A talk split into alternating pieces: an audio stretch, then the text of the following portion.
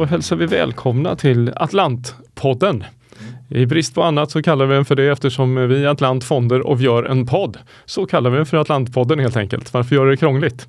Eh, och den ska bygga på de skriftliga månadskommentarerna. Vi tänker göra en månatlig podd i alla fall. Sen är den inte helt knuten till månadskommentarerna utan vi kopplar den till det eftersom vi ändå skickar ut ett månadsbrev. Eh, vi känner att eh, podcastformatet kan ge oss möjlighet att kommunicera kring enskilda saker som har hänt under månaden och skapa en bättre förståelse för vad som händer i vår förvaltarverkstad löpande. Mm.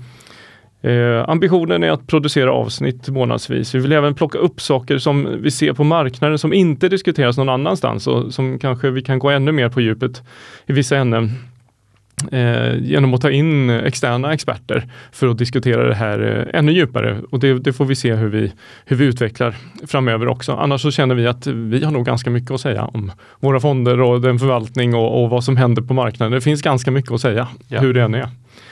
Eh, och apropå kunskap så kommer vi även slå ett slag för förvaltning genom derivatstrategier och försöka bidra till en utbildning inom de instrumenten genom att lämna praktiska exempel på hur vi arbetar med derivat och genom att gå igenom grundläggande strategier och begrepp inom området. Det blir en liten derivatskola helt enkelt. Ja. Eh, så att eh, det vi hoppas att man kan förvänta sig av den här podcasten, det blir lite en uppdatering på vad vi håller på med i förvaltning i våra fonder, vad som händer på marknaden och rent allmänt vad det är för olika strategier man kan tillämpa Eh, för investeringar.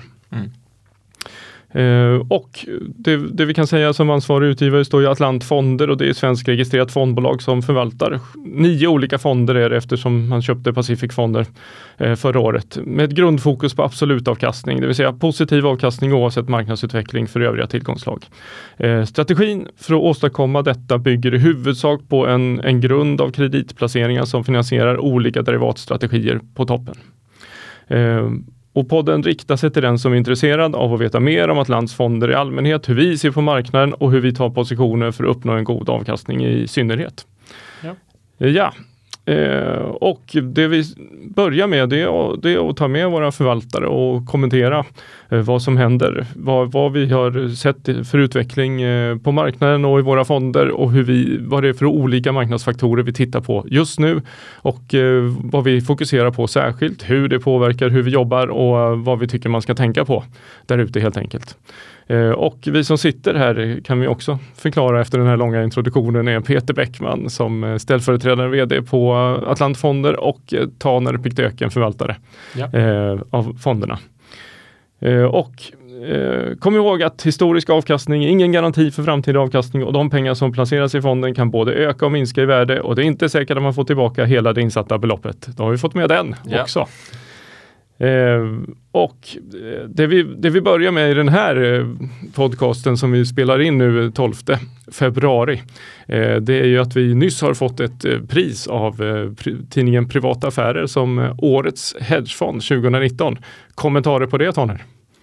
Eh, nej men det är såklart väldigt, väldigt kul att få ett erkännande för den förvaltning man gör och det har ju varit, vi fick ju pris för, för fonden Atlant Opportunity Eh, och vi har ju själva tyckt att det är en, en headphone som verkligen levererar det den säger att den ska göra. Eh, och vi tycker att det är väldigt, det är väldigt viktigt att man, så att säga, när man utvärderar en fond, tittar på vad man kan förvänta sig av fonden och sen kan man utvärdera den fonden och se om den faktiskt levererat det den har sagt att, att den ska göra.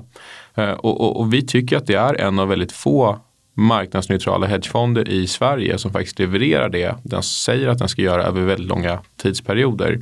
Så det är väldigt kul att, att, att vi fick ett erkännande för, för just det. Ödmjukt eh, välförtjänt eh, säger vi. Ja, men det tycker vi. Ja, härligt.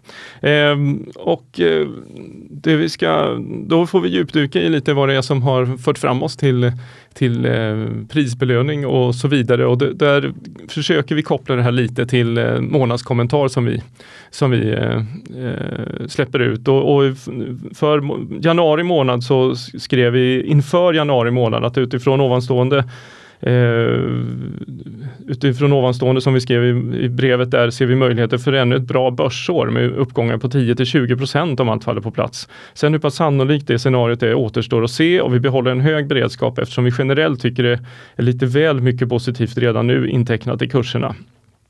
Och aktiemarknaden började också 2020 som den avslutade 2019, det vill säga med stigande kurser. Eh, vad säger du om det Taner?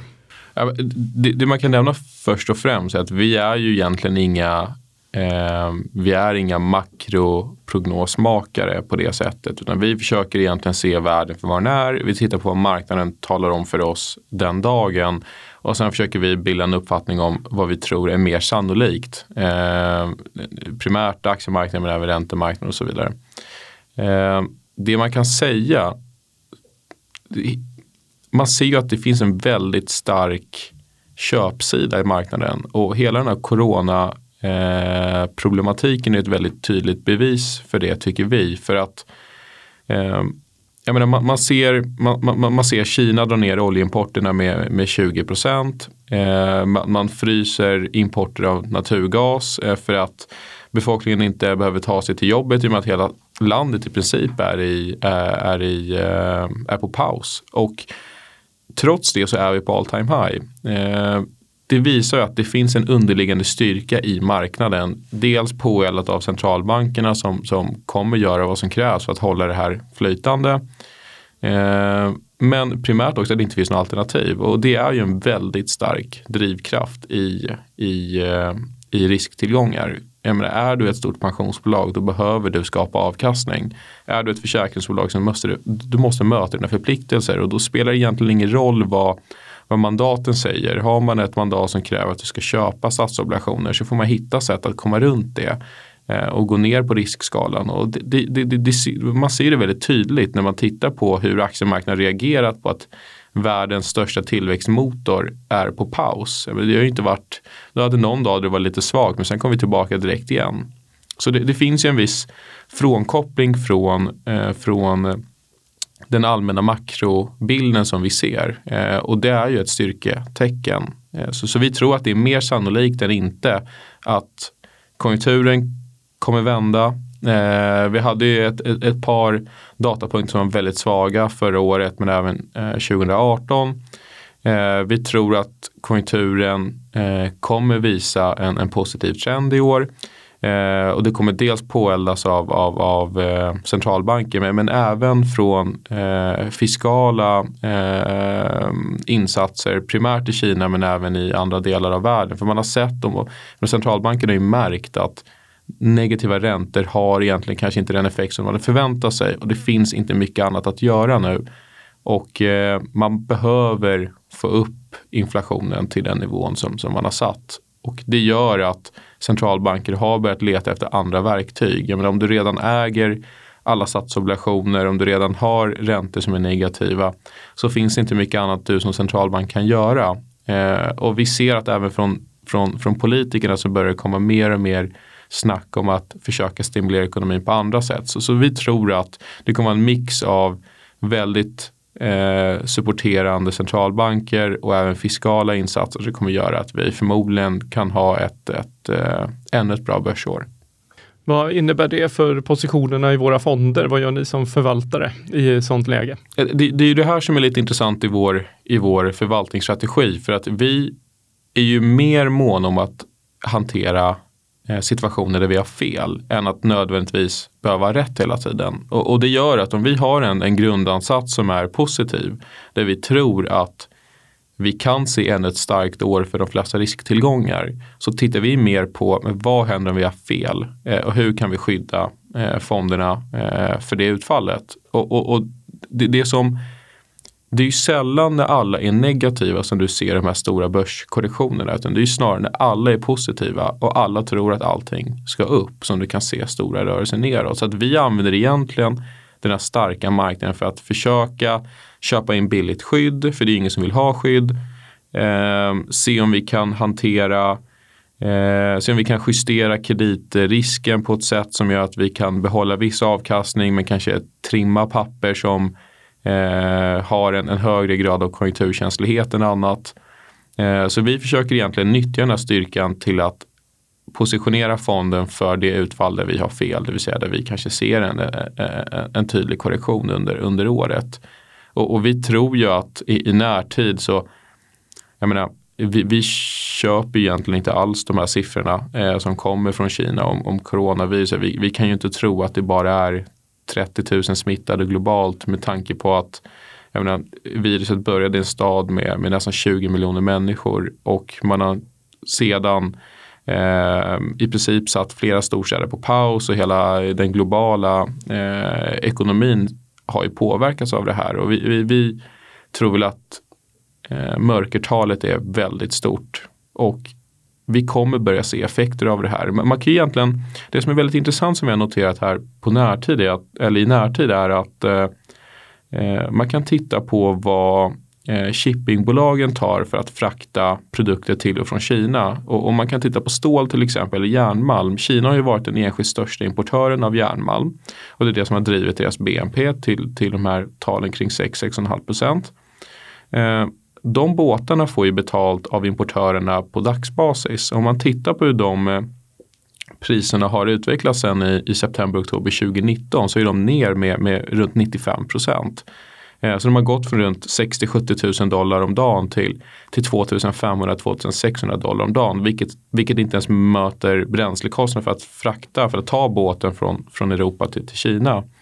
Och det här tycker vi är, är, väldigt intressant för det visar ju att importerna in till Kina har ju stannat av i princip helt och hållet. Både av naturgas men även av, av andra produkter som järnmalm, stål och så vidare. Och vi, vi kan inte riktigt så att pyssla ihop den här biten med att du har en shippingsektor som, som i princip står helt still globalt med börser på all time high.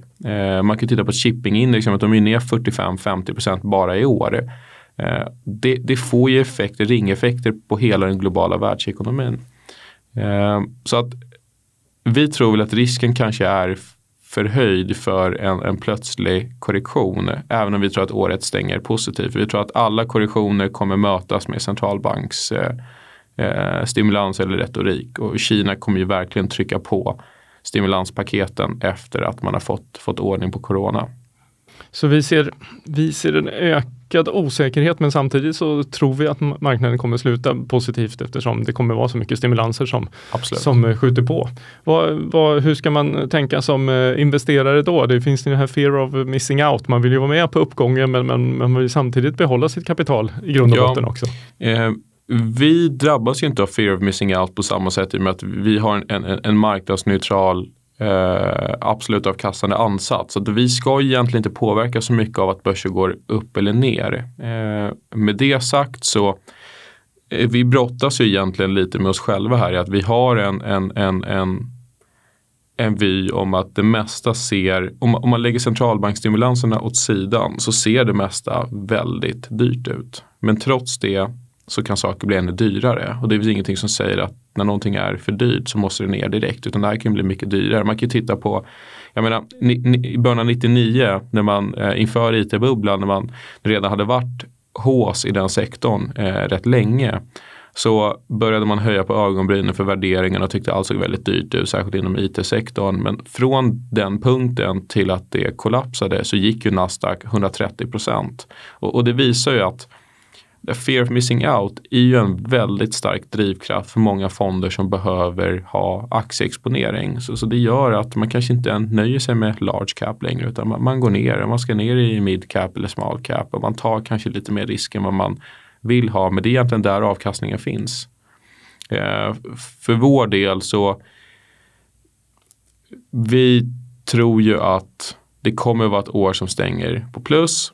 Eh, och det gör att vi försöker kanske ta lite mer eh, positiv aktietilt än vad vi normalt sett vill ha. Men vi arbetar hela tiden utifrån arbetshypotesen att om vi har fel så ska det inte göra för ont. Och det gör att de, de, de derivat, de instrument vi använder för att ta den här börsexponeringen har ju en väldigt liten del i vår fond. Vilket gör att vi kan ha fel väldigt ofta och, och det skadar egentligen inte fonden. Och, och, det är det man har sett på ja, eh, egentligen alla våra fonder med primärt Atlanta Opportunity de senaste fyra åren. Att du har ju haft några minus 10, minus 20 procents korrektioner. Men fonden tuggar egentligen på. Så att den, den, den har ju samma avkastningstal i marknaden där börsen är upp 10-15 som när börsen är ner 10-15. Vilket gör att det inte det, viktigaste för oss är inte att ha rätt hela tiden utan det är att kunna hantera de situationer där vi har fel. Mm. Och tittar man på, eftersom vi gör den här månadsvisningen, om vi tittar på januari månad så har, var Opportunity upp 0,3 procent. Är det i, i eh, linje med förväntningarna eller hur ser du på det? Det, det är i, vi har ett avkastningsmål som är riskfri plus 5 så, så, så 0,3 om man skulle så att säga, annualisera det så är det lite under. Däremot ska man ha i åtanke att vi har, den fonden har runt 50 i, i, i cash eller cashliknande instrument. Så, så det är en fond som bara är 50% investerad. Och den delen som är investerad har också en väldigt defensiv ansats. Så vi är väldigt defensiva och jag skulle säga att med den risk som vi tar och de skydd som vi har på så tycker vi att 0,3 är, är väldigt bra för den månaden. Eh, och, och, det man kan säga är att hade börsen kommit upp 10% så hade nog förmodligen den siffran varit ungefär densamma som om börsen hade kommit ner 10 Och det, det, är där i styrkan ligger. Så vi har väl en, en ambition om att kunna ligga och takta 0,3 till 0,5 per månad lite oavsett eh, vad som händer den månaden. Och eh, opportunity den heter ju så eftersom man tittar efter spännande möjligheter eh, också mm. och att, att det är saker som ska som verkligen ska kicka i där eh, och ge oss en, en bra avkastning över året. Har vi mm. något särskilt vi kan lyfta fram eh, som har hänt under månaden eller, eller i slutet på förra året som, som är intressant eh, av, av våra möjligheter, våra opportunities i den fonden? Ja, men vi, vi så som, som, som, du säger så, namnet indikerar att vi kan ta positioner som kanske är lite mer exotiska än vad våra andra fonder kan göra. Så det kan vara eh, exponering mot eh, ädelmetaller, det kan vara exponering eh, mot olika småbolag på olika sätt. Syntetisk exponering där vi kan ta exponering via derivat eller annat eh, som gör att vi Eh, kan använda en väldigt liten del av fonden för att skapa eh, en, en, exponering som är väldigt explosiv i sin karaktär. Och de tenderar faktiskt att, att röra sig mellan minus 100 procent så att vi, den, den, den, positionen går till noll eller upp 500 till 1000 procent. Och det, det, är den effekten som optionen ger. Och när man har en, en, en ett instrument som har den eh, avkastningskaraktären så, så, behöver man inte binda upp särskilt mycket av fonden. Så det gör att vi, vi har alltid på ett antal case eller opportunity som vi kallar det. Eh, primärt med optioner. Eh, och de har ju det gemensamt att det kan vara olika sektorer, olika bolag, olika underliggande instrument som den här optionen ger exponering mot. Men det är alltid bråkdelar av fonden. Så i dagsläget eh, under hela året så har vi ägt eh, köpoptioner i Deutsche Bank, eh, i Danske Bank, där vi egentligen tittar reaktivt och säger att de här två bankerna har tagit väldigt mycket stryk. Eh, och vi behöver inte prata om, om, om skälen till varför. De flesta är väldigt bekanta med penningtvättsskandalen, Danske Bank och så vidare. Eh, utan vi säger egentligen bara att när någonting blir så här nedtryckt och när du har en systemkritisk bank i Deutsche Bank och en väldigt viktig bank i Danske Bank, särskilt i, i Danmark och i Norden. Så det kan komma situation där marknaden har varit för negativ i vad den har prisat in och det är det vi tyckte var situationen i, Danske Bank. Deutsche Bank så tyckte vi mer att den banken är för viktig för att låta gå till konkurs. Eh, även om banken kanske inte är eh, ekonomiskt gångbar på egna ben så tyckte vi att det är en, en väldigt viktig bank. Och, och, det gör att vi använder ett par baspunkter, så, så hundradelar av en procent eh, i fonden för att köpa köpoptioner. Och eh, de har ju fallit ut väldigt väl. Eh, vi behöver ju kanske att aktierna går lite mer, men vi ser ju det som, som, som eh, kanske mer sannolikt än inte. Eh, så, så vi, vi, vi använder två, tre baspunkter av fonden för att köpa de här optionerna och skulle de här aktierna gå 15-20 procent från de nivåerna där vi står idag så kommer vi få en avkastning som är eh, väldigt, väldigt eh, explosiv. Så det, det kommer bli ja, över 500 procent i avkastning på, på, på, på investeringen. Så, så det är egentligen så vi gillar att ta, ta exponering. Sen äger vi optioner på guld till exempel. Vi är egentligen kanske inga guld eh, experter eller, eller fantaster men, men vi kan se att det har nog aldrig varit en situation där den fundamentala biten talar så mycket för guld som den situation vi befinner oss i idag där pengar egentligen inte har ett, ett, ett värde eh, och där centralbanker förmodligen kommer att börja med helikopterpengar nästa gång vi, vi går in i en lågkonjunktur och då behöver du någonting som lagrar eh, förmögenhet och guld är det instrument som är stabilt nog att kunna göra det. Eh, så, så, vi har tyckt att ja, vi kan köpa en, en, lite längre option på guld, få den exponeringen. En annan aspekt som vi gillar är att guld har en extremt diversifierande eh, effekt på en bred portfölj. Eh, så den tjänar även det syftet för oss. Hur stor position blir, blir den opportunity? Ja, det, det, blir bara några baspunkter. Det, det, är ett gemensamt tema. Så att vi ska kunna ta hundraprocentiga förluster i alla våra optioner och det ska egentligen inte, inte synas. Eh, så att, så att vi, vi pratar tre, fyra baspunkter över ett par månader. Så att det värsta som händer är att vi, vi ja, tappar 100% men då blir det 0,03 eller 0,04 på, på fondnivå och det gör oss inte så mycket. Mm. Vad, vad kommer guldpriset vara vid årsskift, halvårsskiftet nu? Jag tror halvårsskiftet kanske är lite, lite för, för, för nära inpå, men, men vi, vi, tror väl att inom 18 månader så kan guldet verkligen explodera. Alltså går vi in i en lågkonjunktur här, eh, oavsett när den kommer, så, så, så, kan vi inte se någonting annat än att guldet får en, en, en extremt eh, stark eh, eh utveckling. Spännande. Och nu dessutom när man hörde på nyheter att eh, JP Morgan har åtalats för eh, manipulering av guldpriserna från, ja. från 16 eh, september förra året så kom det där åtalet och då mm säger alla att det är en signal på att om någon har hållit på med det så kommer alla sluta med det eftersom myndigheterna agerar på det nu. Ja. Och då kanske vi får se en, en mer marknadsdriven utveckling av, av guldpriserna också. Det är hela, hela den här marknadsdynamiken om, om price discovery har ju helt försvunnit egentligen i alla tillgångsslag de senaste åren. Det är ju en effekt av, av, av, av QE och att har centralbanker som printar pengar och köper tillgångar. Eh, vi, det, det, som är väldigt intressant om, om, guld specifikt då är att man kan titta på vilka som är de största köparna av guld och det är centralbankerna själva. Eh, och, och, det är väldigt talande tycker vi. Eh, och vi som sagt är inga guldexperter och det finns andra som är mycket bättre på, på, på att förstå guld än vad vi är. Vi, vi, vi köper bara argumentet av att när, när du har den eh, penningpolitiska situation som vi har globalt idag så, så, så, så, kommer det finnas situationer där människor och institutioner söker sig till andra betalningsmedel och andra produkter för att förvara sin förmögenhet. Och, och guld är nog det instrumentet. Då så följer vi upp i senare poddavsnitt så följer vi upp eh, Danske Bank, Deutsche Bank och guldpriset helt mm. enkelt och ser hur, det, hur de här opportunities eh, slår till i, mm. Eh, i den fonden. Eh, spännande, då blev det här ett avsnitt som handlade väldigt mycket om eh, Atlant Opportunity och det är mycket för att eh, den vann det här priset från privata affärer som vi såklart är glada och stolta över.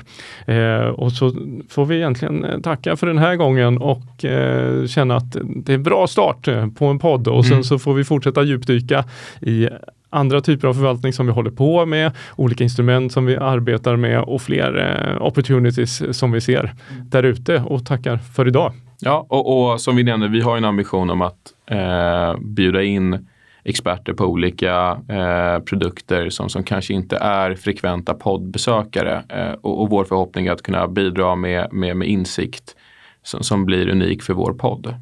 Exakt. Mm. Ja, tack så mycket. Tack för idag.